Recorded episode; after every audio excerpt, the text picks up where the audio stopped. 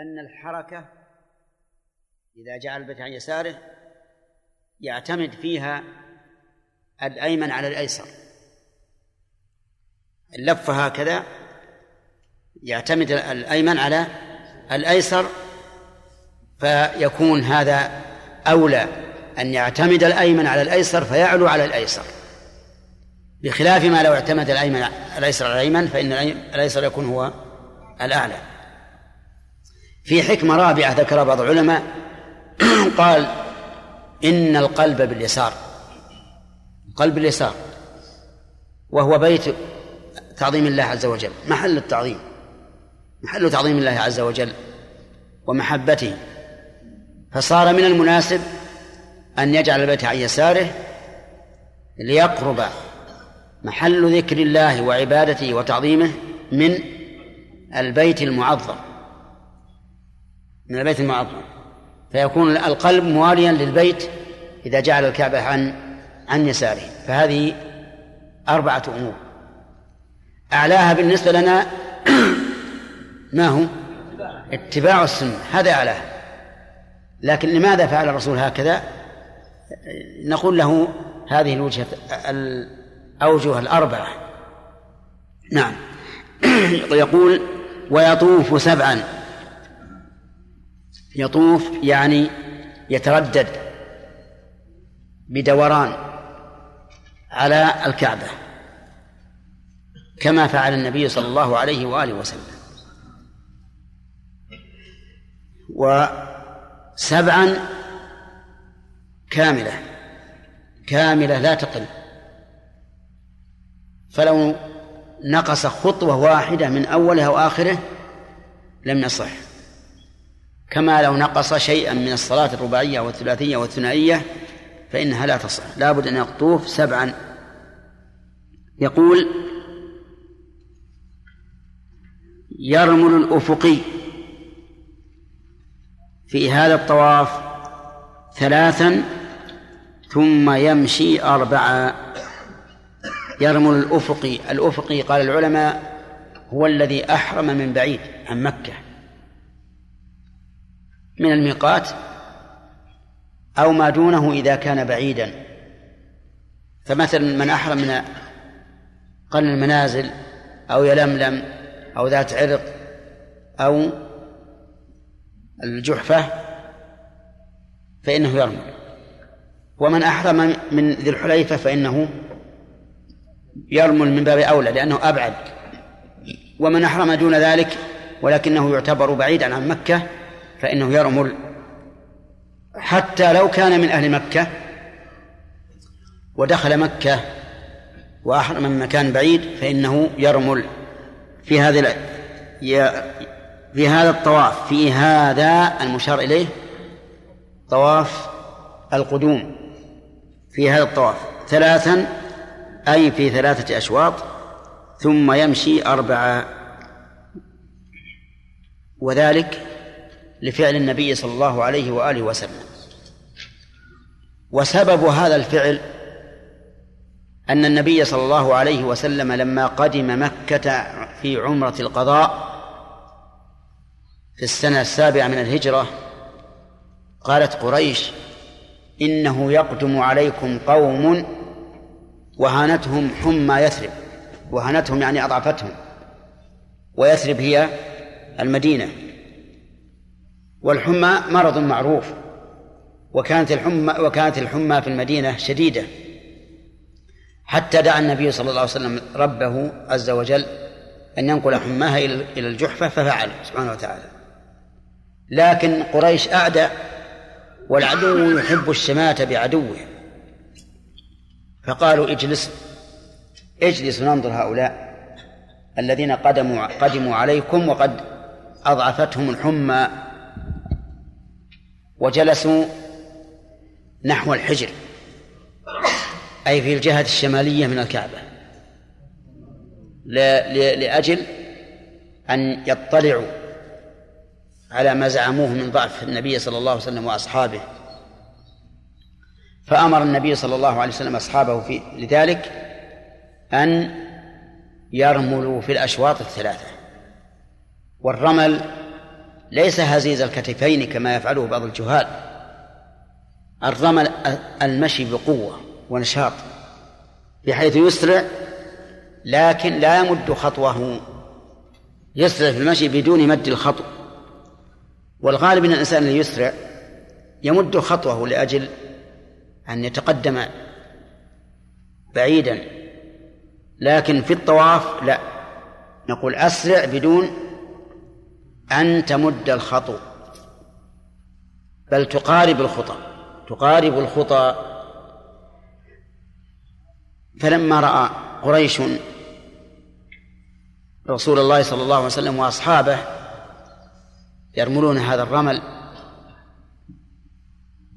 قالوا إنهم أشد من يعني أشد جريا ومشيا من الغزلان يعني الظباء فغاضهم ذلك.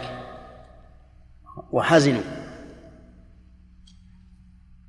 حيث كانوا يتوقعون في الأول أنهم ضعفاء. فتبين أنهم أقوياء. ولكن كان الرمل في عمرة القضاء من الحجر إلى الركن اليماني. ثم يمشون يمشون ما بين الركنين. لأنهم إذا انحرفوا من عند الركن اليماني غابوا عن أنظار قريش. فأراد النبي صلى الله عليه وسلم أن يبقي على قوتهم وأن يمشوا مشيا فيما بين الركنين. فلطف بهم النبي عليه الصلاة والسلام من وجهين. الوجه الأول أنه خص الرمل بالأشواط الثلاثة الأولى فقط. والثاني أمرهم أن يمشوا ما بين الركنين حجر الركن اليماني والحجر الأسود. فهذا أصل مشروعية الرمل. هذا هو أصل. ولكن هل يقال إنه بعد الفتح بعد فتح مكة وعز الإسلام. يرتفع هذا الحكم لارتفاع سببه أو نقول إن هذا الحكم باق. الجواب الثاني. الثاني فإن عمر رضي الله عنه أورد على نفسه هذا الإيراد. وقال قال فيما الرمل الآن وقد أعزنا الله. ثم أجاب على نفسه شيء فعله النبي صلى الله عليه وسلم لا بد أن نفعله. مع أننا نقول في حجة الوداع قد زال السبب وهو إغاظة المشركين لأنه ليس هناك مشرك حتى يغاظ. ومع هذا أبقاه النبي صلى الله عليه وآله وسلم. ثم إنه أبقاه بزيادة على الرمل في عمرة القضاء. حيث كان الرمل في حجة الوداع من الركن إلى الركن أي في كل الأشواط الثلاثة حتى ما بين الركنين رمل فيه النبي صلى الله عليه وسلم. وفي عمرة القضاء من الركن إلى الركن اليماني فقط فدل ذلك على بقاء المشروعية. فإن قال قائل كيف تبقى المشروعية وقد زال السبب؟ والحكمة تقتضي أنه بزوال السبب إيش؟ يزول يزول المسبب. أي بزوال علة يزول المعلول. فالجواب أن العلة وإن كانت إغاظة المشركين ولا مشركين الآن لكن ليتذكر الإنسان أن المسلم يطلب منه أن يغيظ المشركين. يتذكر فحينئذ ينبغي لك أن تشعر عند الرمل في الطواف أن تشعر وكأن أن تشعر وكأن أمامك المشركون لأجل أن تغيظهم لأن غيظ المشركين مما يقرب إلى الله عز وجل. ذلك بأنهم لا يصيبهم ظمأ ولا نصب ولا مخمصة في سبيل الله ولا يطعون موطئا يغيظ الكفار ولا ينالون من عدو نيلا إلا كتب لهم بعمل صالح. طيب. إذا يرمل في الأشواط الثلاثة الأولى كلها ويمشي في الباقي. فإن لم يتيسر له الرمل في الأشواط الثلاثة الأولى لضيق الم... لزحام المكان ولكن تيسر له في, الأر... في الثلاثة الباقية الأخيرة لخ... لخفة الزحام فهل يقضي الرمل الذي كان في, الأشواط الثلاثة الأولى؟ لا لا يقضي. لأن الرمل سنة في الثلاثة الأشواط الأولى وقد فات محلها. ولأنه لو رمل في الأشواط الثلاثة الأخيرة لخالف السنة. إذ السنة في الأخيرة المشي دون الرمل. فإن قال قائل لماذا لم يكن الرمل في الأشواط الأربعة؟ فقلنا الحكمة من ذلك أولا التخفيف على الناس على الطائفين. وثانيا من أجل أن ينقطع على وتر لأن الطواف كله مبني على على الوتر فلو قلنا في الأربعة الأولى لانقطع على شف. ولو قلنا في الخمسة لكان فيه مشقة. فلهذا كانت الحكمة تقتضي أن يكون في الأشواط الثلاثة الأولى كما فعل النبي صلى الله عليه وآله وسلم. فإن قال قائل إذا دار الأمر بين أن أرمل مع البعد عن الكعبة وبين أن أمشي مع القرب فأيهما نقدم؟ نقول قدم الأول. ارمل ولو بعدت عن الكعبة. لأن مراعاة الفضيلة المتعلقة بذات العبادة أولى من المراعاة المتعلقة بزمانها أو مكانها. قاعدة. نعم. لأن قلها.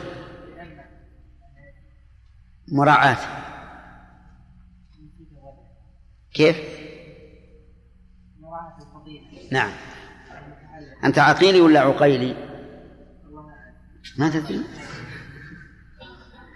نعم لأن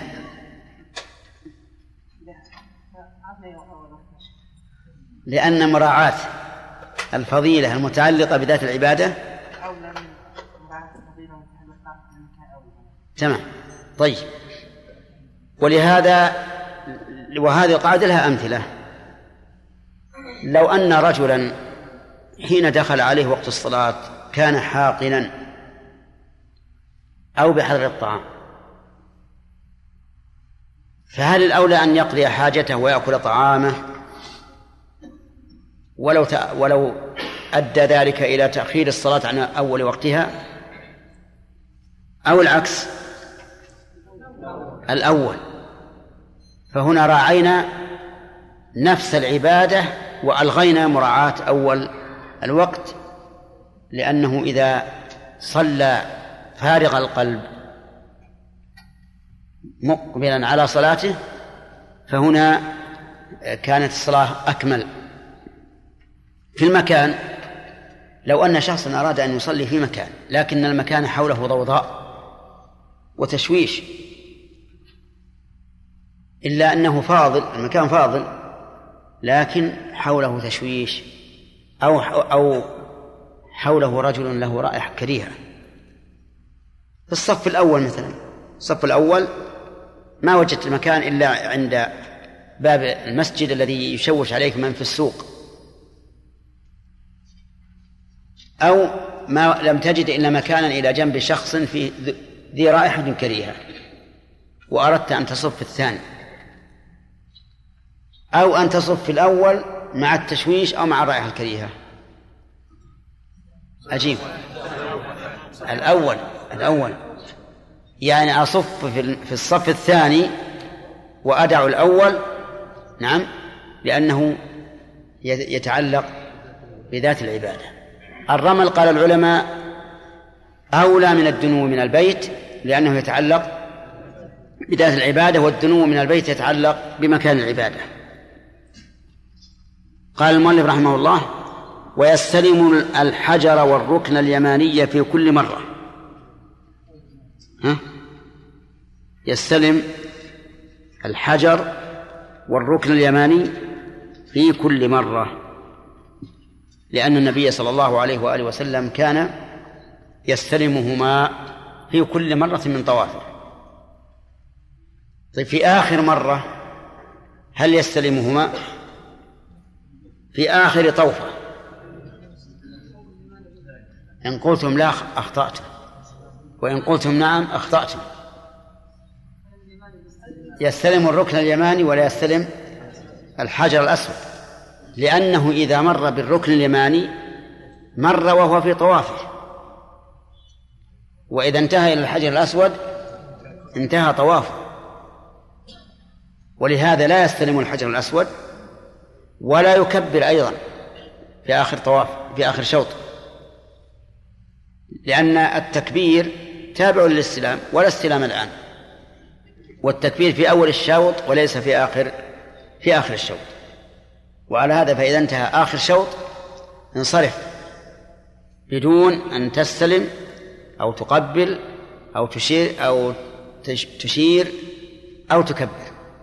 طيب يقول يستلم الحجر والركن اليماني في كل مرة. الحجر معروف الركن اليماني لماذا سمي يمانيا؟ لأنه من جهة اليمن. ويطلق عليه هو والحجر اسم الركنين اليمانيين. والكعبة ذات أركان أربعة. الحجر الركن اليماني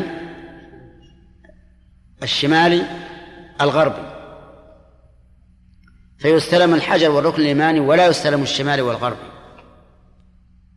وقد طاف أمير المؤمنين معاوية رضي الله عنه ذات يوم فجعل يستلم الأركان الأربعة.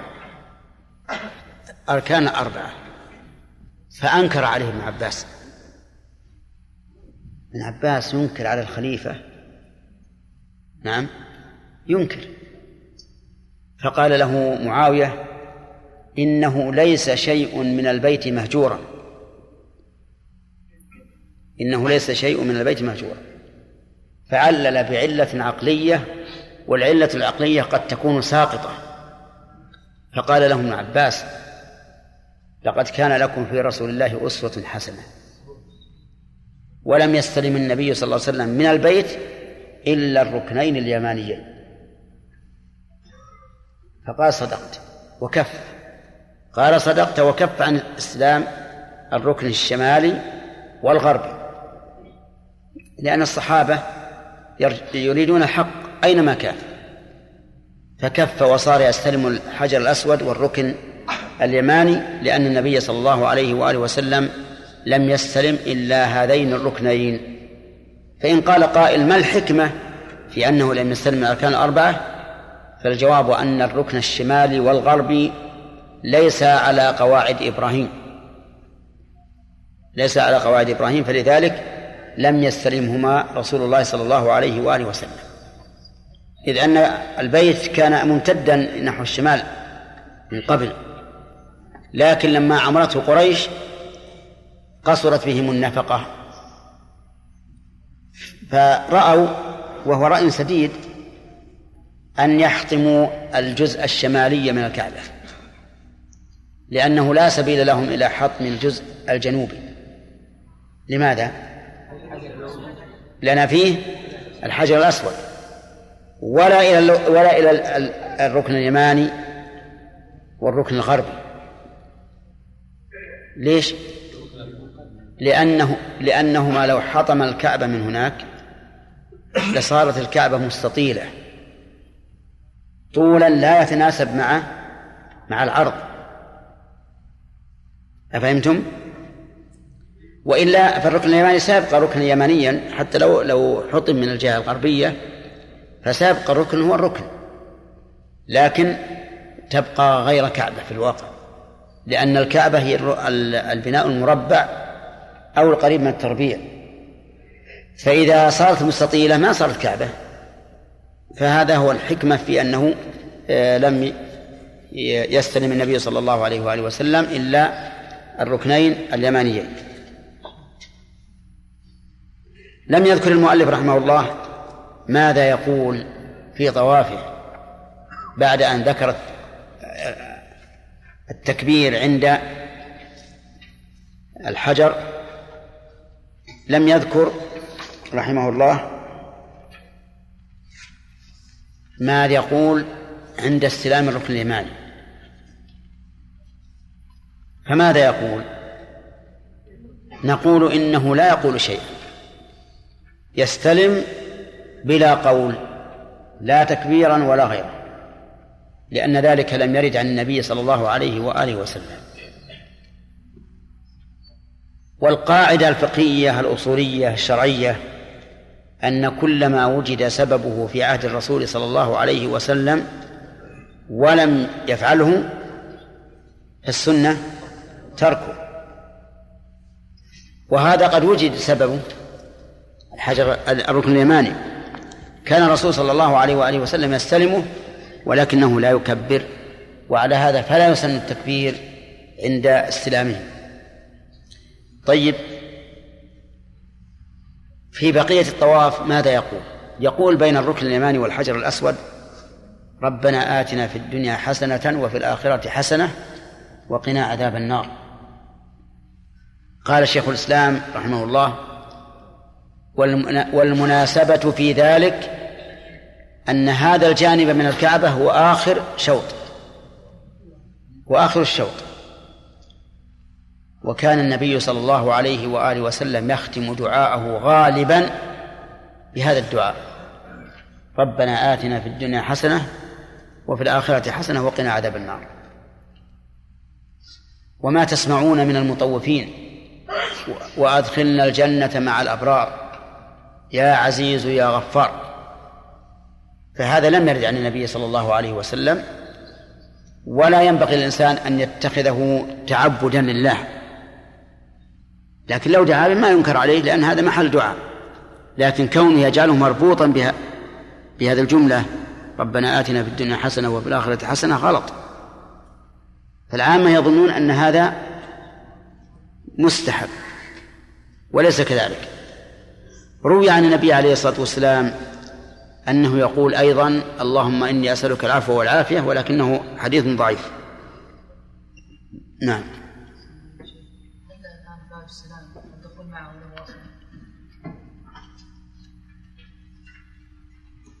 باب السلام يقولون إنه كان يحاذي باب ابن الشيبة ولا ما له أصل؟ لكن من أجل المحاذاة فيكون أسهل. غدا هنا. ليش؟ وين هو فيه؟ فرية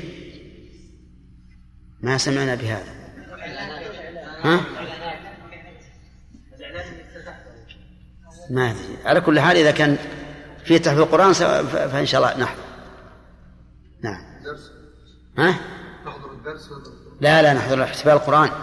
نحن أنا أحب أن نشجع جماعة تحفيظ القرآن. نعم. نعم. اي نعم ورد عن ابن عباس انه أنه يسجد عليه لكنني لا أحفظه مرفوعا إلى الرسول على وجه صحيح. نعم. والله هو فعل صحابي وابن عباس رضي الله عنهما ما يتعبد بشيء إلا إلا وهو مشروع. نعم.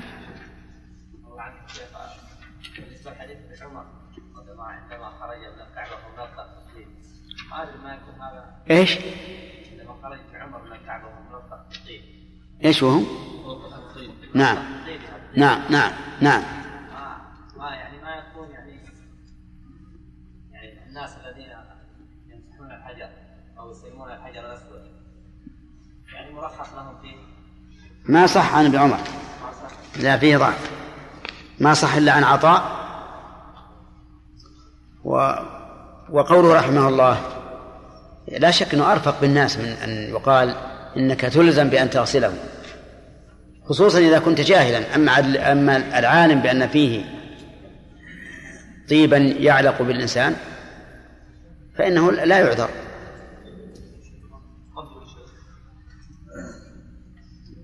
على الجنيدي وين الجنيدي؟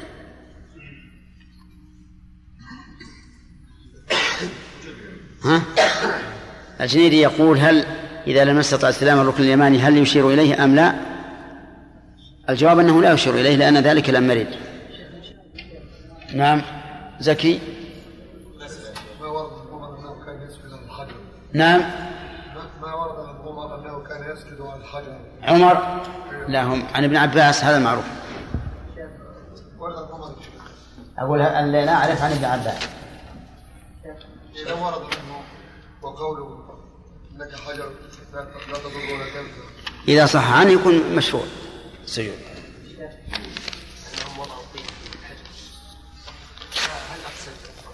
لا.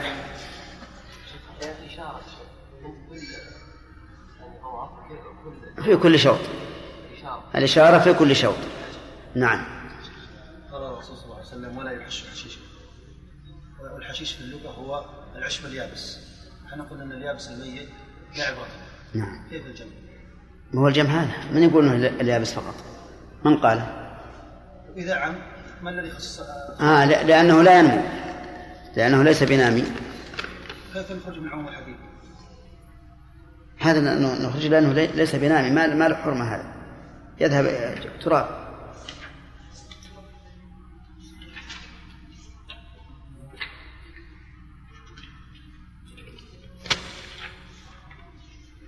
إبراهيم الحدي. ها؟ هذا إبراهيم الحدي يقول أن الحمام يعيش في البيت ويتنامى. فأين التوحش؟ نقول الأصل يا إبراهيم.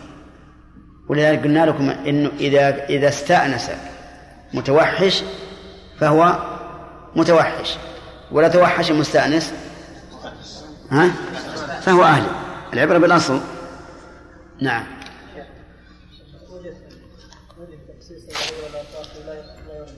نعم. نعم.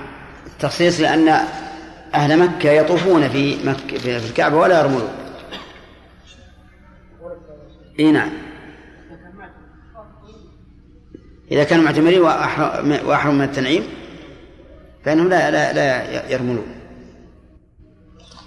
نعم بن داود. ثبت عن النبي صلى الله عليه وسلم أنه كان كلما أتى الحجر يستلمه أو يشير إليه إذا لم يستطع أو يستلمه بالمحجر. نعم. فما التخصيص الستة دون السابع إيش؟ كل ما جاء الحجر كان هو. هو كم استلمه؟ لم يرد كان سلم إذا جاء الحجر استلمه إيه كم يستلمه؟ سبع مرات. إيش التخصيص يا شيخ بالسبع؟ لأن النبي كان كل ما جاء. وآخر مرة يأتي الحجر اي نعم وسبعة سبعة. من سبعة أشواط كل شوط له استلام. بدأ بالأول ثم بالثاني ثم بالثالث ثم بالرابع ثم بالخامس ثم بالسادس ثم بالسابع. عبادة مستقلة استلام الحجر. لا لا. ثم إنه شيخ ثبت في البخاري أنه بعد أن يشرب زمزم بعد إيش؟ بعد أن يشرب زمزم نعم. يطلع آه، إذا طلع يستلم الحجر. نعم صحيح. صحيح. هذا بعد بعد صلاة ركعتين تقدم إلى الركن فاستلمه. بعد أن يشرب بعد أن صلى ركعتين وشرب من زمزم؟ طيب هذا الشيخ يرد قياسا أنه سبع هو سبع بارك الله فيك. هذا هذا غير الآن لو لو استلمه في آخر واحدة. لاستلمه ثمان مرات. لا ما هو وليكن. حسين ولا لا يمكن. لأنه حين محاذاة الحجر حين محاذاة الحجر انقطع طوافه. انتهى طوافه. ما في طواف. ما هي عبادة مستقلة. ولا ورد ان الرسول إلا إنه إنه يستلمه في كل طوف في كل شوط. والشوط السابع انتهى. انتهى عن قبل الحجر. هذا عبد الله بن عبد الكريم المدني.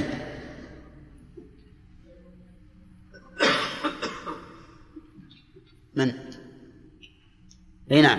ثبت عن النبي عليه الصلاة والسلام أنه كان يستلمه بمحجن ويقبل المحجن. ويستلم بيده ويقبل يده. فالذي يمس الحجر يقبل. نعم السلام ثم نقول في الحجر الاستقبال أو تقبيل اليد هو ما يمكن يست- يستلمه الإنسان. لا التقبيل ما في التقبيل الحجر الركن اليماني ما في التقبيل لا تقبيل اليد الذي مسته ولا تقبيل الركن نفسه ولا فيه إشارة أيضا. إن استطعت أن تستلمه واستلمه وإلا فامشي ولا, ولا استقبال نعم. ما تستقبل. نعم. الطائف يكون في المطاف يرى بعض المنكرات. نعم. فهل يشتغل في الإنكار على أصحاب المنكرات؟ على اختلاف أنواعها أم يشتغل بذكر الله عز وجل؟ أن؟ أم أم يشتغل بذكر الله عز وجل الذي إيه. يجري شرع الطواف؟ أما الشيء المنكر الظاهر فالإنكار من ذكر الله لا شك. من ذكر الله. لكن إذا إذا شغله ال- الإنكار عن طوافه فلا بأس أن يسكت وإذا انتهى من طوافه ينكر على هؤلاء. لأنه بإمكان إذا انتهى من الطواف. الزحمه يا شيخ ما ينبغي. القص إذا أمكن. حتى بالزحمة ووقوفه مع هؤلاء والتحدث مع هذا صعب. يمشون ينكر عليه ينكر عليه مثل امرأة متبرجة أو متطيبة ينكر عليها. نعم محمد. حفظكم الله ذكرت في القاعدة أن مراعاة الفضيلة متعلقة بذات العبادة أولى من مراعاة الفضيلة المتعلقة بمكانها زمانها. نعم. مثال الذي ذكرته الصف لو كان إنسان مثلا بواحد غير طيبة فلو تركته سوف يأتي إنسان آخر مسلم طيبة أو, أو إحنا نقول كريهة ما قلنا طيبة. غير يا شيخ. ها؟ غير طيب. أنا قلت غير طيب. طيب. كريهة أقول. كريه لأن غير طيبة أيضا تشمل ما, لا ما, لا ما ليس طيبا ولا غير طيب. كريهة جدا. نعم. نعم. سوف يأتي آخر يا شيخ. ثم يتأذى بها. والنبي صلى الله عليه وسلم قال لا يؤمن أحدكم حتى يحب لأخيه ويحب لنفسه إيه. فلماذا لا أتحمل أنا سبحان الله. حتى الثاني نقول رح. إذا كنت تتأذى انصرف عنه. لابد يأتي آخر. يا جاء آخر ثالث رابع عاشر إلى تمام المئة والألف. في الصف الأول مثلا نعم. الصف الأول مثلا. لابد يعني يبنى كيف؟ لابد الصف الأول يبنى فسوف ما هو لازم ما هو لازم. ما هو بلازم. إذا صار إني إذا جلست جنب هذا الرجل ما أدري ما أقول في صلاتي من شد- من شدة الرائحة الكريهة. اذهب إلى إلى مكان آخر. عرفت؟ ولهذا قلنا لكم فيما سبق أن ذا الرائحة الكريهة لا يحل له أن يأتي إلى المسجد أصلا. ولنا أن نخرجه كما كان الصحابة يخرجون من أكل البصل أو الثوم. من؟ الصف من اللي منفرد هو اللي جاء الذي جاء صاحب الرائحة الكريهة؟ الذي جاء وأراد يصف الصف الثاني ما فيها. نعم.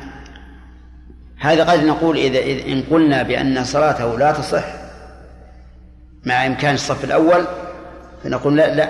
إذا إذا كان منفرد لا يصح. لابد يبقى ولو ولو تحمل الرائحة الكريهة وفي هذا الحال يمكن يتلثم. إذا تلثم يخ- يخف عليه ال- ال- الأمر. نعم نعم. شيخ عنك ذكرت بين حرم مكة وحرم المدينة لأن حرم مكة نعم. نعم. ما تحديد الحرم أو في التحريم أصلا؟ لا في التحريم أصلا. ولا حديث الصريح بذلك أي نعم لكن فيه الخلاف. نعم. فيك. حديث وارد في بداية الطواف. في العمر ومفعله العام الآن يكبرون ثلاث مرات. نعم. ما له أصل. لا أعلم له ي- يكبر مرة واحدة.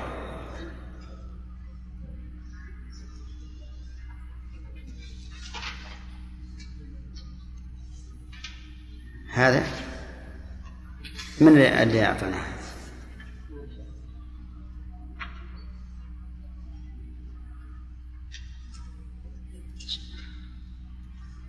يقول السؤال ثبت أن استلم الحجر يحط الخضار خطا. هل استلامه بالمحجن يحط الخطايا حطا؟ هذا إيش؟ هذا ما يساعد على أنها عبادة مستقلة أنها يحطوا خطايا إيه يحط الخطايا حيث شرع. حيث شرع. وأيضا إذا استلم أول مرة يحط الخطايا أول مرة. نعم. المرة الأخرى. رفع الدرجات مثل غيره من من الأشياء اللي يكون فيها تكفير الذنوب. ومع ذلك يسر للإنسان أن يزيد من هذا.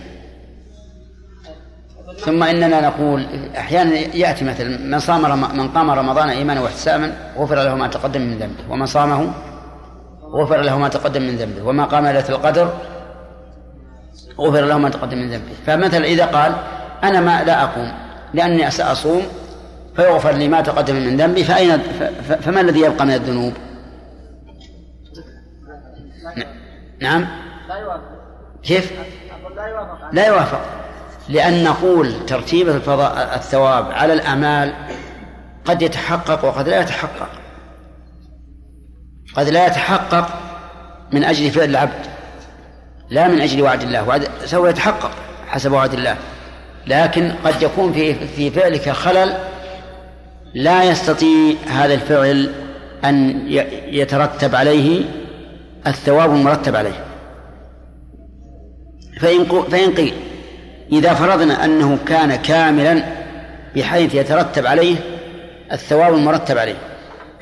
فالجواب أن نقول يبقى الآخر زيادة في الحسنات. نعم الله عنك شيخ للممتعين يعني بما ان الحملات تتاخر اليوم فبعضهم يعني يتمتع في نفس اليوم الثامن ثم بالحج الأفضل له إذا قدم الإنسان في اليوم الثامن. فالأفضل القرآن أو الإفراد؟ لأن الله قال فمن تمتع بالعمرة إلى الحج. والحج يبدأ في اليوم الثامن. فلا فلا مكان للعمرة الآن. ثم إن الحج أفضل من العمرة.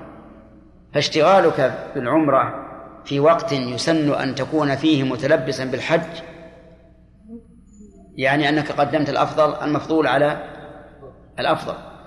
فالزمن الآن منذ ضحى يوم الثامن الزمن للحج. فكيف تشغله بعمرة؟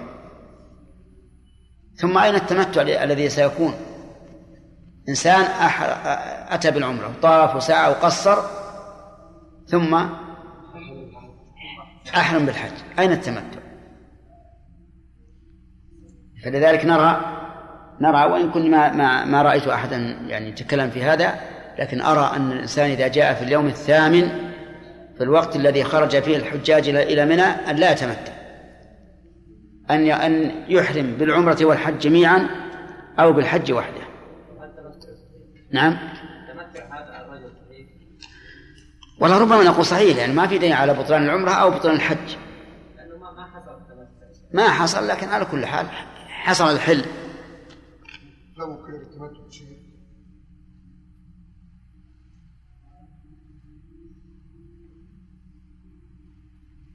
هذا يقول حامد علي الأمين وين حامد؟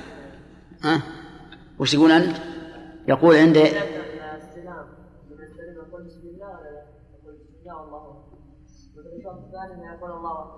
نعم أي هذا هو أصل البسملة عند أوله إنما هو من ابن عمر والباقي تكبير فقط.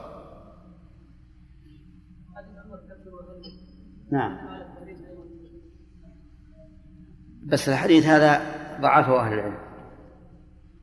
ضعفه أهل العلم. ولا يدل ولا يدل على أن أنك تقول الله أكبر لا إله إلا الله. تكبر وتهلل نعم يوسف؟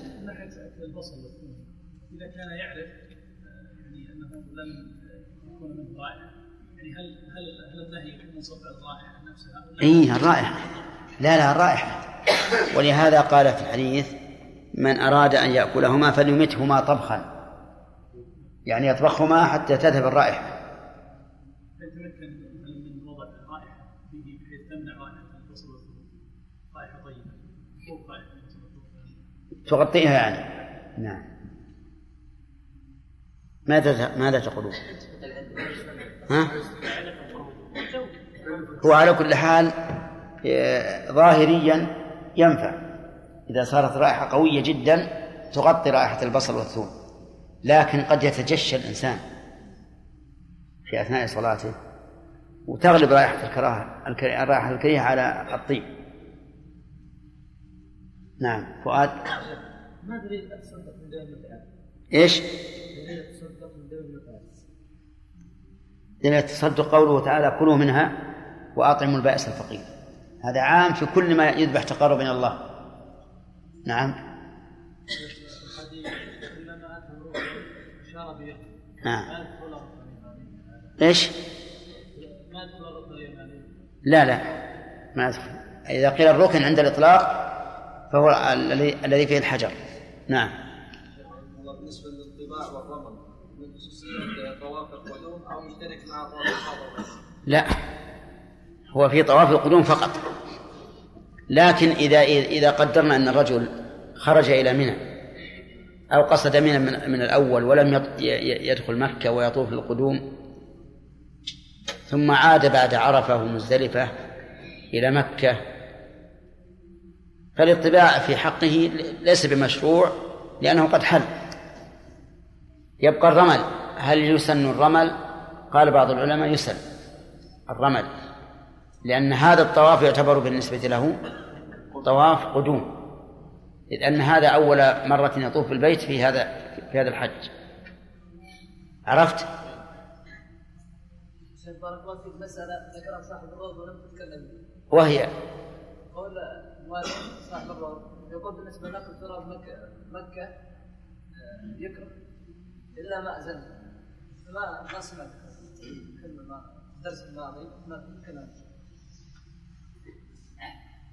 إي نعم. نحن لا, لسنا لسنا ندرس الروض.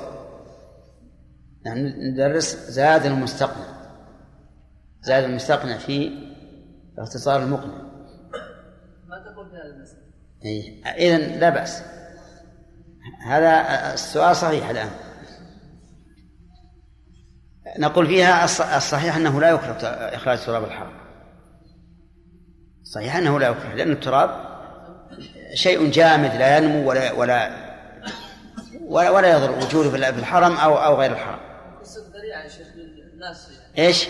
قصة ذريعة الناس يتبركون فيها. لا لا دعنا مسألة التبرك شيء ثاني. التبرك شيء آخر. حتى لو تبرك به في نفس مكة قلنا هذا بدعة. زين الركن اليماني سمي يماني لأنه من جهه اليمن. نعم. زين يا شيخ إذا لماذا لا نقول من جهه لأنه يمين مكة ي- يمين الكعبة نفسها. والدليل على ذلك قول الرسول صلى الله عليه وسلم اليمان يمان اليمان يمان والحفظ الإيمان. اليمان يمان والحفظ يماني. نعم. يمين الكعبة. وين يمين الكعبة؟ يمين الكعبة هو الحج هو الركن الشا... الشامي. هو يمين الكعبة. ما تصح هذا. لا ما تصح نعم. أحسن عليك كان واحد بيطوف وتلفت فقد أهله صار ما صار الكعبة على اليسار أثناء الطواف يضر شيء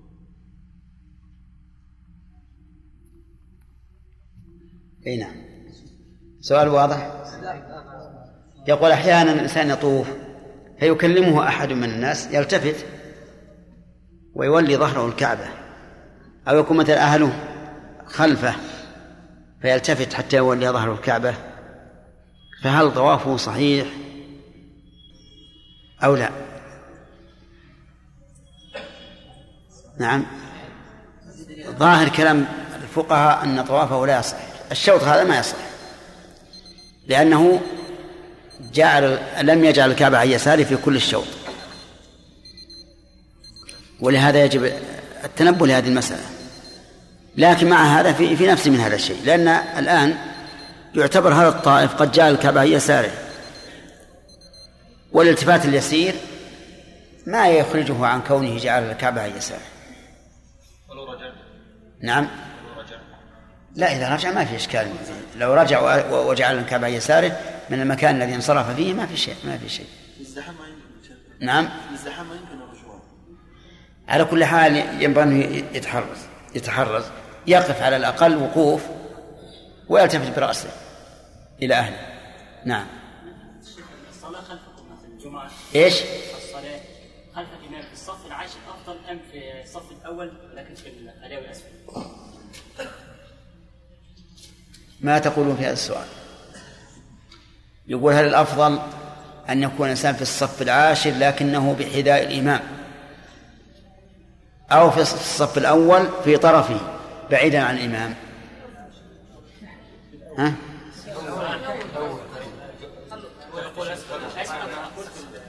ينزل أسفل. أو في الصف خلوه ها؟ يعني في الصف الأول في الخلوة أسفل. إي. يعني إيش؟ إذا إذا لم يجد مكان في مكان الإمام ينزل. يعني أحيانا يعني يخير بين ان أنا لا وجودك في المكان الذي فيه الإمام أفضل. حتى لو ولو في الصف العاشر نعم. شيخ كان في الطواف حاملا للطفل الطفل لا شك عند الحمل يستدير يكون اليمين إلى الكعبة. إي نعم. فما يصح الطواف؟ أما التكرونيات فيسارها يسار لولدها لأن تحمل من الخلف ويساره يسار منه. عرفت؟ وأما اللي يحمله كما يحمله أكثر الناس الآن على اليد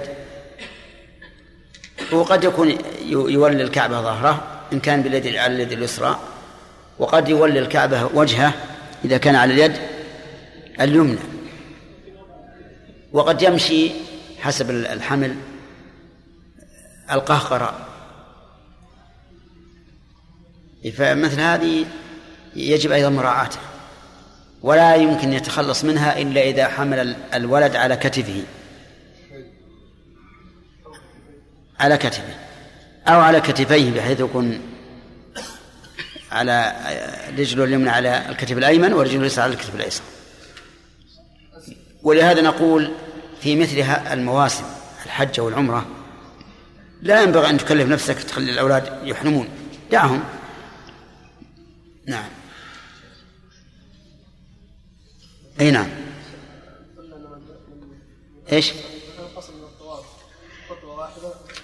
الطواف نعم. شيخ قلنا من بدا الطواف بعد الخط بعد الخط الاسود الموازي للحجر الاسود خطوه واحدة ساهيه هل نقول ان طوافه الشوط الأول يلغى. إذا بدأ من من وراء الخط الأسود البني ولو بخطوة واحدة فإن الشوط الأول يلغى. نقوله الان متى؟ الآن بعد ما كان يغيره لا ما بعد مثلا العمره اي نعم نقول اعده أعده ثم أعد السعي ناصر.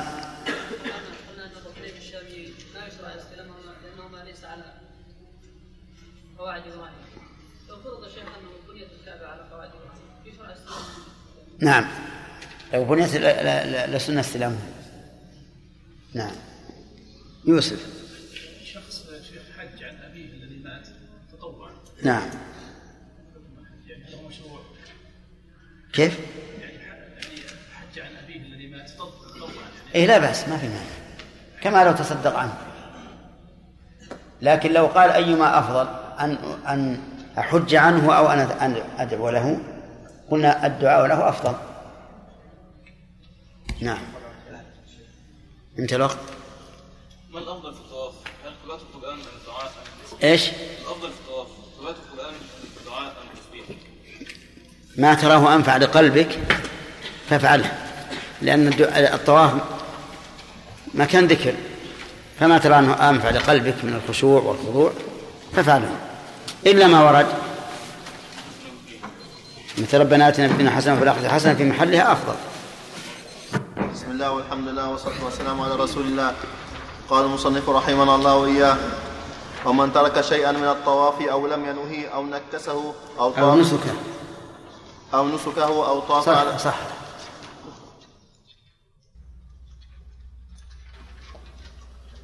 أو نسكه أو طاف على شادروان أو جدار الحجر أو عريان أو نجسا لم يصح ثم يصلي ركعتين خلف المقام. بسم الله الرحمن الرحيم. الحمد لله رب العالمين وصلى الله وسلم على نبينا محمد وعلى آله وأصحابه ومن تبعهم بإحسان إلى يوم الدين. سبق لنا الكلام على طواف القدوم وأنه يسن فيه للرجل شيئان. الأول الاطباع في جميع الطواف. والثاني الرمل في الأشواط الثلاثة الأولى فقط. ولا ولا يسن الاطباع في غير الطواف. وما نشاهده من عامة الحجيج اليوم حيث يطبعون من حين الإحرام إلى أن يحلوا فإنه ليس مبنيا على سنة ولا على كلام أحد من أهل العلم. نعم بعض العلماء قال يكون الاطباع في الطواف ويكون الاطباع كذلك في السعي بعده ولكن الصحيح أنه في الطواف فقط. أما كونه من أول أن يحرم من أول أن يحرم حتى يحل فهذا لا أصل له. وسبق لنا الحكمة من الرمل وأن أصله إغاظة المشركين. وسبق أن عمر رضي الله عنه قال إننا قد أعزنا الله ففيما الرمل إذن. ثم إنه رضي الله عنه استدرك فقال شيء فعله رسول الله صلى الله عليه وآله وسلم لا بد أن نفعله. وهذا لا شك فيه فإن الرسول عليه الصلاة والسلام رمل في حجة الوداع ورمل جميع الأشواط الثلاثة. بخلاف الرمل في عمرة القضاء فإنه رمل من أين؟ من الحجر إلى الركن اليماني. لكن في حجة الوداع رمل من الحجر إلى الحجر. نعم. وهذا هو الصحيح. ولا مانع أن يكون الشيء مشروعا لسبب قد زال كما شرع السعي في الوادي في المسعى مع أنه شيء قد زال كما سيأتينا إن شاء الله. قال المؤلف رحمه الله ومن ترك شيئا من الطواف أو لم ينوه أو نسكه أو طاف على الشاذروان أو جدار الحجر أو عريان أو نجس لم يصح. هذه مسائل بين فيها المؤلف أنها كلها تفسد الطواف. الأول من ترك شيئا من الطواف. بل الصواب الأولى من ترك شيئا من الطواف شيئا نكرة في سياق الشرط من ترك فتعم فتشمل لو ترك خطوة واحدة أو شبرا واحدا من الطواف فإنه لا يصح. لكن إذا تركه من شوط وذكر المتروك في أثناء الطواف فإنه يلغى الشوط الذي ترك منه ذلك ويقع ما بعده بدلا عنه. وقول من ترك شيئا من الطواف يعني من تيقن الترك. أما من شك فإنه ينظر إما أن يشك بعد الفراغ والانصراف عن محل الطواف وإما أن يشك في أثناء الطواف. إن شك في أثناء الطواف فهل يبني على اليقين أو على غلبة الظن؟ في ذلك خلاف. كالخلاف في من شك في عدد الركعات في الصلاة. فمن العلماء من قال يبني على غلبة الظن ومنهم من قال يبني على اليقين. مثال ذلك في أثناء الطواف شك هل طاف خمسة أشواط أو ستة أشواط.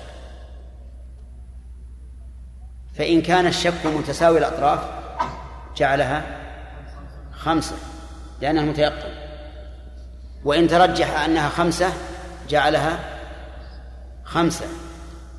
وإن ترجح أنها ستة فمن العلماء من يقول يعمل بذلك ويجعلها ستة ومنهم من قال يبني على اليقين ويجعلها خمسة. والصحيح أنه يجوز أن يعمل بغلبة الظن كالصلاة. وعلى هذا فيجعلها ستة ويأتي بالسابع. هذا ما دام متلبسا بالعبادة. أما بعد أن ينصرف عن مكان الطواف فإن الشك لا يؤثر. ولا يلتفت إليه. ما لم يتيقن الأمر. مثال ذلك رجل انصرف من مك... من الطواف على أنه أتم طوافه. ثم شك هل طاف سبعا أو ستا.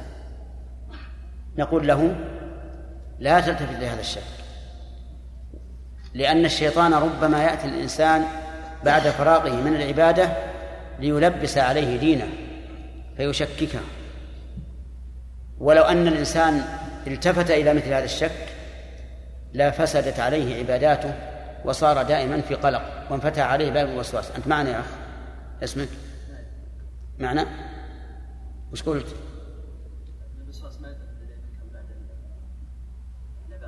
ولو أن الكلمة الأخيرة التي بعد أن التفت وجعلت تنظر ها؟ ما كنت معك؟ معي؟ كن معنا جزاك الله خير طيب أقول إن الإنسان لا يلتفت إلى الشك بعد الفراغ من العبادة لأن ذلك يفتح عليه باب الوسواس والقلق والشيطان يحرص على أن يكون الإنسان دائما في قلق دائما في حزن إنما النجوى من الشيطان ليش؟ ليحزن الذين آمنوا يدخل عليهم الحزن وليس بضارهم شيئا إلا بإذن الله. فإن تيقن أنه ناقص شوطا فحينئذ يعمل بإيش؟ باليقين ويرجع ويرجع ويأتي بالشوط. لكن في الغالب أن هذا لا يقع. الغالب أن الإنسان بعد أن يتم الطواف وينصرف ويصلي ركعتين الغالب أنه لا يتيقن أنه أنه نقص. لكن إذا فرضنا ذلك وجب عليه أن يرجع ويكمل الشوط السابع أو ويأتي بالشوط السابع. قال المؤلف أو لم ينوه. يعني لم ينوي الطواف. وإنما جعل يدور حول الكعبة ليتابع مدينا له يطلبه دينا أو لأي غرض من الأغراض. فإنه لا يصح طوافه لماذا؟ لقول النبي صلى الله عليه وآله وسلم إنما الأعمال بالنيات وإنما لكل امرئ ما نوى. وهذا لم ينوي الطواف بل نوى متابعة غريم أو متابعة إنسان يريد أن يتكلم معه ويمشي معه حتى ينتهي من طوافه أو ما أشبه ذلك. نقول هذا لا يصح طواف لأنه لم ينوه. ولكن لو نوى الطواف مطلقا دون أن ينويه للعمرة مثلا فهل يجزئ في ذلك خلاف بين العلماء؟ فمنهم من قال لا يجزئ بل يجب أن ينوي الطواف للعمرة أو الطواف للحج أو الطواف للوداع أو الطواف تطوعا. كطواف القدوم. وأما مجرد الطواف فلا يجزي. وهذا هو المشهور من المذهب أنه لا بد أن يعين الطواف. وقال بعض العلماء إنه لا يشترط التعيين. تشترط نية الطواف لكن لا يشترط التعيين. لأن نية الطواف لأن الطواف جزء من العبادة فكانت النية الأولى محيطة بالعبادة بجميع أجزائها. وقاس ذلك على الصلاة. قال الصلاة فيها ركوع فيها سجود فيها قيام فيها قعود. فهل يجب أن ينوي لكل ركن من أركانها نية مستقلة؟ أو تكفي النية الأولى؟ النية الأولى تكفي. وعلى هذا فإذا نوى العمرة كانت هذه النية شاملة للعمرة من حين أن يحرم إلى أن يحل منها. فإذا جاء إلى البيت الحرام وطاف وغاب عن نية عن قلبه أنها أنه للعمرة أو لغير العمرة فعلى هذا القول يكون الطواف صحيحا. وهذا القول هو الراجح أنه لا يشترط تعيين الطواف ما دام متلبسا بنسك لأن هذا الطواف جزء من من العبادة. فدخل في بقيتها وهذا في الحقيقة مع كونه الراجح مع كونه الراجح نظرا هو الأيسر بالناس. لأن أحياء لأن الإنسان مع الزحام والضنك ربما يغيب عن ذهنه أنه نوى أن يطوف للعمرة مثلا. فلو قلنا بالقول الأول الذي هو لا بد من تعيين الطواف للنسك المعين لكان في هذا مشقة على الناس. أما إذا قلنا بالقول الراجح أن نية أن نية العبادة تنسحب على جميع العبادة بجميع أجزائها فلا شك أن هذا أيسر أيسر للناس. وأنت وهذا نظير مسألة مرت علينا في الصلاة وهي اذكروها إذا دخل الإنسان في صلاة الظهر ولم يعين هذه الصلاة فعلى المذهب أن لا بد التعيين ولا صلاة تكون باطلة يعني لو نوى لو دخل في صلاة الظهر بنية أنها فرض الوقت وغاب عن ذهنه غاب عن ذهنه تعيين الظهر فإن القول الراجح أنها تجزي وتصح. لأنك لو سألت هذا الرجل ماذا أردت بهذه الصلاة؟ لكان الجواب الظهر. والإنسان قد قد يذهل عن التعيين. وقد يكون يأتي والإمام راكع مثلا فيدخل في الصلاة بسرعة. ولا يتمكن من تعيين النية طيب. قال أو نسكه يعني أو لم ينوي نسكه لم يصح. كيف نسك؟ وهل هناك نسك بلا بلا نية؟ نقول نعم. الحج ينفرد عن العبادات الأخرى بأشياء كثيرة. بأشياء كثيرة. منها جواز تغيير النية ومنها لزوم إتمامه ولو كان نفلا. وله يعني عدة أشياء يخالف غيرها. يجوز للإنسان أن يحرم إحراما مطلقا. فيقول لبيك ولا يعين لا عمرة ولا حج. يقول لبيك معها الناس. لكن لا يجوز أن يطوف حتى يعين. لا يجوز أن يطوف حتى يعين. لأن الإحرام المطلق صالح للعمرة وحدها وللحج وحده ولهما جميعا. طيب أفهمتم الإحرام المطلق؟ نعم. إحرام مطلق. يقول لبيك اللهم لبيك. قلنا ماذا نويت؟ عمرة حج حج عمرة؟ قال ما نويت شيء. نويت الإحرام فقط. فهل إحرامه صحيح وينعقد؟ نعم ينعقد. إحرامه صحيح وينعقد ويبقى يلبي لكن إذا وصل إلى مكة وأراد الطواف فلا بد أن يعين. لا بد أن يعين. يعين إيش؟ عمرة حج حج عمرة. طيب. ومن ذلك أي من الإحرام المطلق وإن كان فيه شيء من التعيين أن يقول أحرمت بما أحرم به فلان. أو لبيك بما أحرم به فلان. يعني يكون هذا الرجل عنده شيء من الجهل ويعرف أن فلانا من أهل العلم والمعرفة قد حج فيقول لبيك بما أحرم به فلان. فهذا يصح. طيب بماذا أحرم فلان؟ لا يدري. قد يكون أحرم بعمرة أو بحج أو بحج وعمرة. فنقول إحرامك هذا صحيح لكن لا بد أن تعلم بماذا أحرم قبل أن إيش؟ قبل أن تطوف ليقع طوافك بعد تعيين النسك الذي أردت. ويدل لهذه المسألة الأخيرة حديث علي بن أبي طالب. بعثه النبي صلى الله عليه وسلم إلى اليمن وكذلك بعث أبا موسى فقدم مكة والرسول عليه الصلاة والسلام قد قدم قبلهما للحج. كلاهما قال أحرمت بما أحرم به رسولك. فلبوا بما أحرم به الرسول صلى الله عليه وآله وسلم. أما علي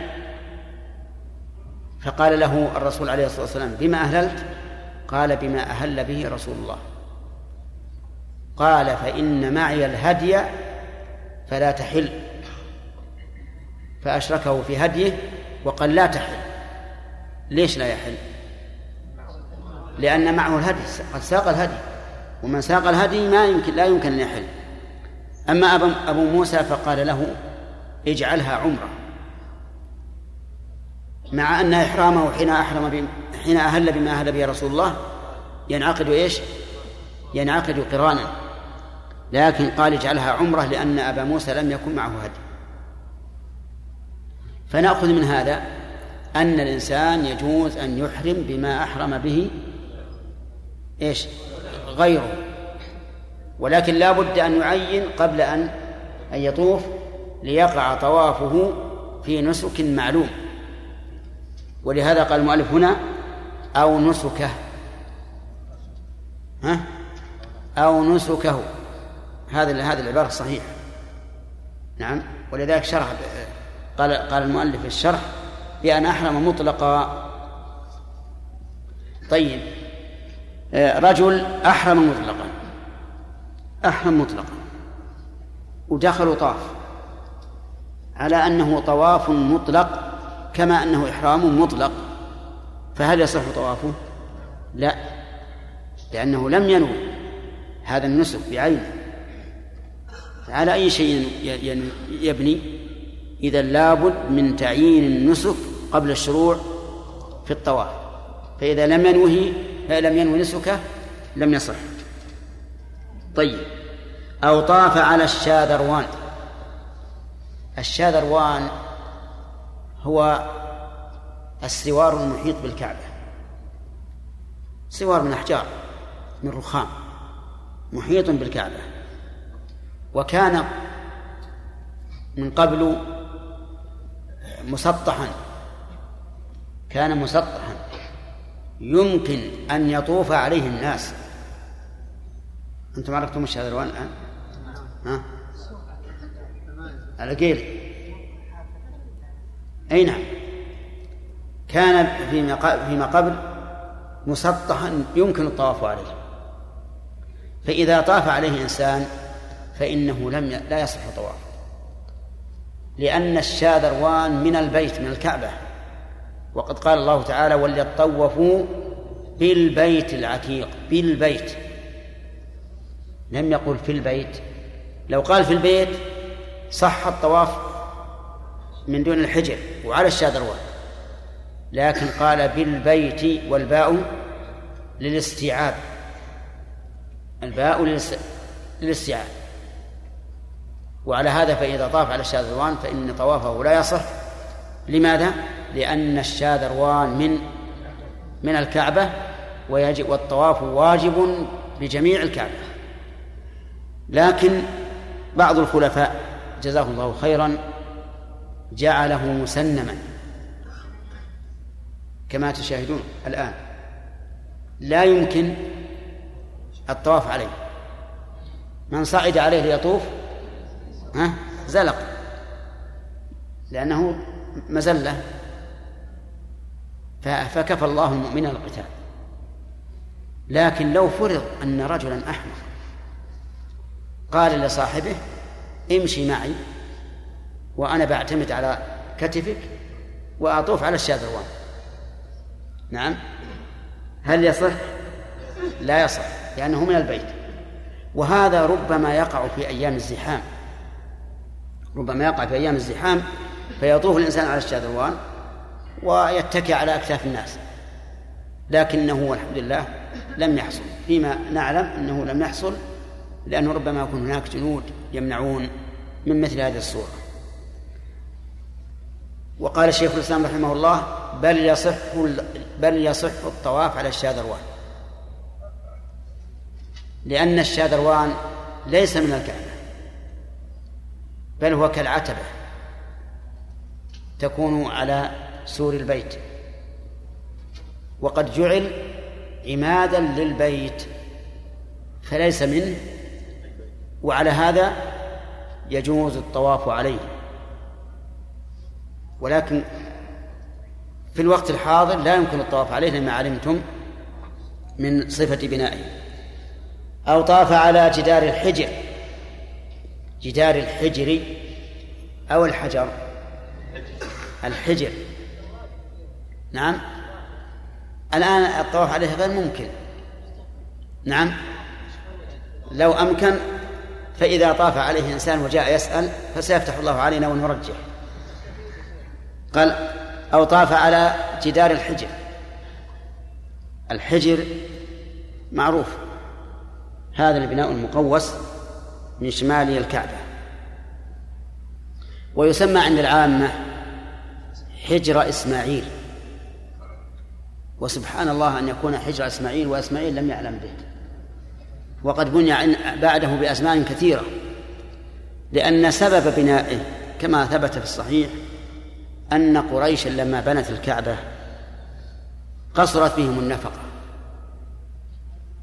وقد أجمعوا على أن يكون البناء من كسب طيب. فقصرت بهم النفقة فقالوا لا بد أن نبني البعض وندع البعض.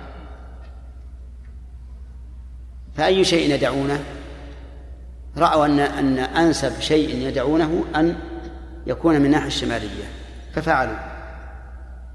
وجعلوا هذا الجدار وسمي الحجر لأنه محجر.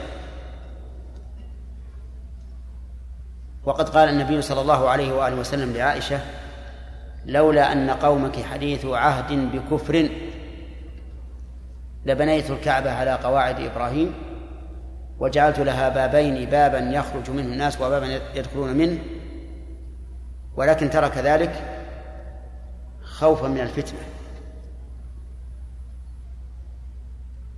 إلا أن الله سبحانه وتعالى حقق ما أراد الرسول عليه الصلاة والسلام بدون مضرة. حقق ذلك بدون مضرة. لو أنها بنيت على قواعد إبراهيم وجعل لها باب يدخل منه الناس وباب يخرج منه لهلك الناس ولا سيما في الأزمنة الأخيرة حيث يتقاتلون على على ما هو دون الكعبة بكثير. ما ظنكم لو دخل الناس من هذا الباب والكعبة مسقوفة وضيقة؟ ماذا يكون الناس؟ ها؟ يهلك بعضهم بعضا. لكن حصل مراد الرسول عليه الصلاة والسلام بهذا الحجر. فجعل للحجر وهو من الكعبة جعل له بابان. باب يدخل منه الناس وباب يخرجون منه. مع كونه مكشوفا فضاء لا يضر. وهذا من حكمة الله عز وجل ورحمته. لما تولى الخلافة خلافة الحجاز عبد الله بن الزبير رضي الله عنه هدم الكعبة. وبناها على قواعد إبراهيم لأن السبب الذي منع الرسول عليه الصلاة والسلام من بنائه على قواعد إبراهيم قد قد زال وتوطد الإيمان في القلوب فهدمها رضي الله عنه وجعل يأتي بالناس ويشهدهم على أساسات الأساسات الأولى التي هي على قواعد إبراهيم وبناها على قواعد إبراهيم. وجعل لها بابين بابا يخرج من الناس وبابا يدخل من الناس وبابا يخرجون منه. ثم إنها هدمت في عهد عبد الملك ابن مروان وأعيدت على ما كانت عليه في الجاهلية بعد أن استشهد عبد الله بن الزبير رضي الله عنه. وأعيدت على ما كانت عليه في الجاهلية. ولما تولى الرشيد أظن أراد أن يعيدها على قواعد إبراهيم فاستشار بذلك العلماء فقالوا لا تجعل بيت الله ملعبة للملوك. كلما ملك مالك قال أغير إلى كذا فتركه وبقي على ما هو عليه إلى الآن والحمد لله. طيب إذا طاف على جدار الحجر لم يصح. طيب وإن طاف من دون جدار الحجر من, من الداخل؟ من باب أولى من باب أولى. طيب وظاهر كلام المؤلف أنه لو طاف على جدار الحجر الذي ليس من الكعبة فإنه لا يصح. هذا ظاهر. لأن الحجر ليس كل ليس كله من الكعبة. ليس من الكعبة إلا مقدار ستة أذرع وشيء. وقربه بعضهم فقال إذا ابتدأ الانحناء في الحجر فمن بداية الانحناء يكون خارج الكعبة. ومن ومن المستوي يكون إيش؟ داخل الكعبة. نعم. وعليه فنقول إنه لا يصح الطواف على جدار الحجر حتى في الجانب الخارج من الكعبة لأنه يثبت تبعا ما لا يثبت استقلالا فيكون هذا الزائد تابعا للأصل. يقول أو طاف عريان يعني طاف وهو عريان فإنه لا يصح طوافه. لقول النبي صلى الله عليه وسلم بل لأمر النبي صلى الله عليه وآله وسلم أن ينادى في الناس أن لا يحج بعد العام مشرك يعني العام التاسع ولا يطوف بالبيت عريان. وكان الناس في الجاهلية إن رأوا إن حصلوا على ثياب من قريش أخذوها عارية أو شراء أو هدية فطافوا بها وإلا فلا. على أن بعض العرب أيضا وإن كانوا من قريش يقول لا لا نطوف بثيابنا لأنها ثياب عصينا الله فيها. فلا نطوف. نقول إذا طفتم عراة فهي ثياب عصيتم الله بها أي بخلعها نعم. وكانت المرأة تأتي تطوف عارية وتضع يدها على فرجها. وترتجز في الطواف. تقول اليوم يبدو بعضه أو كله. تشير إليه إلى الفرج. وما بدا منه فلا أحله صقيعة. يعني ما بدا منه فلا أحل لأحد أن ينظر إليه. لا أحل. الناس بيطيعونه الله أعلم. على كل حال هذا من الجهل. هذا من الجهل. أما الإسلام ولله الحمد لا يطوف بالبيت عريان ومن المعلوم أنه لا أحد يطوف خالعا ثيابه. لكن قد يطوف وهو لم يستر الستر الواجب. ولنفرض أن عليه ثيابا رقيقة وعليه سراويل لا تصل إلى الركبة فيطوف. نقول هذا الرجل لا يصح طواف لماذا؟ لأنه لم يستر عورته إذ لا بد في الستر من السرة إلى الركبة. يقول أو نجس أو نجس. كيف نجس؟ يعني أصابته نجاسة في ثوبه أو بدنه فإن الطواف لا يصح. لأن الطواف بالبيت صلاة وكما لا يصح لا تصح الصلاة مع النجاسة فكذلك الطواف ولأن الله تعالى أمرنا أمر بتطهير بيته للطائفين والقائمين أو العاكفين والركع السجود. فإذا أمر بتطهير المكان أي مكان الطائف الذي هو منفصل عنه فتطهير ملابسه المتصلة به من باب من باب أولى. وعلى هذا فلا يحل أن يطوف بثوب النجس أو يطوف وهو متنجس البدن. بل لا بد أن يغسل النجاسة من ثوبه وبدنه قال في الشرح أو محدث.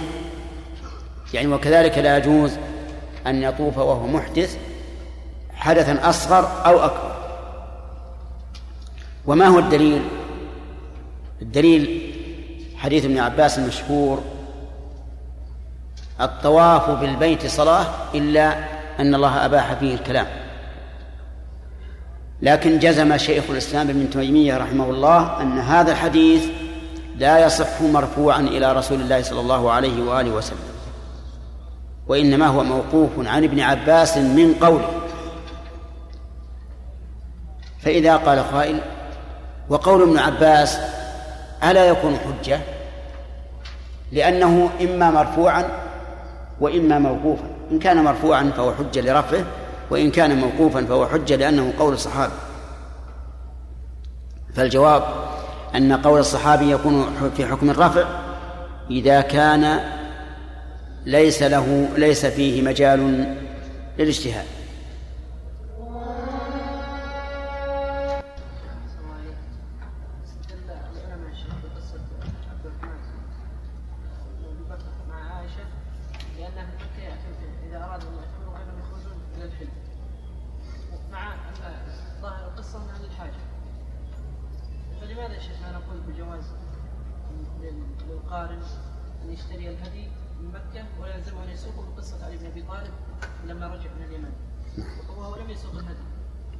نعم. نعم. لا هو معه هدي. السؤال يقول إن علي بن أبي طالب رضي الله عنه لم يسق الهدي فلماذا أمره النبي صلى الله عليه وسلم أن لا يحل؟ قال إن معي الهدي فلا تحل. نقول هو قد أتى ببعض الهدي من اليمن. علي نعم. نعم ناصر. إيش؟ الذي نوى الطواف في أثناء الطواف أحد الأشواط يعني ما نوى أنه يكون الطواف هذا إلا ليتبع غريب مثلا أو شخص راق أي. اثناء الطواف عرضت له نيه أخرى. وش النية الأخرى؟ اي لكنه النية الأولى باقية. ما هي ما لا بأس. حتى لو نوى لو نوى الطواف ومتابعة الغريم فلا بأس إذا نواهما جميعا. بقي علينا الآن أنا أشوف كثير منكم يكاد يتصبب عرقا نعم حر والحر ما بعد جاء إلى الآن لكن حتى بشوف الجانب الشمالي هل هو بارد؟ ما شغلوه الآن؟ وين عبد الرحمن؟ ها؟ شغال؟ اي لكن هل هو بارد؟ بارد؟ يعني ما يصح نصير هناك؟ يعني يفسد علينا التسجيلات؟ ها؟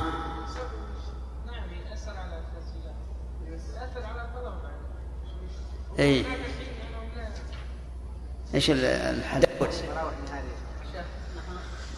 قلنا في أثناء الشرح أن الحكمة من على البيت أن الإنسان يظهر ولا نعم نعم. الشيخ و يعني يعني إظهار الجلد في السعي من باب اولى لأنه أطول وأكثر مشقه. أي نعم. قلنا لا يعني لا يرتبى فيه أليس يختلف هذا؟ نعم. أنا ما أدري هل نحن ندرس طلبة علم ولا عوام. كانت قريش شمالي الكعبة. ليست ليست إلى المسعى والمقصود من الطواف الاتباع الطواف هو إظهار الجلد أمامهم والقوة والنشاط. نعم. لما رأوا الأمر على هكذا لعلهم غادروا المكان. يمكن غادروا المكان أو أنهم لا يطلعون على أهل المسعى. نعم. اي نعم.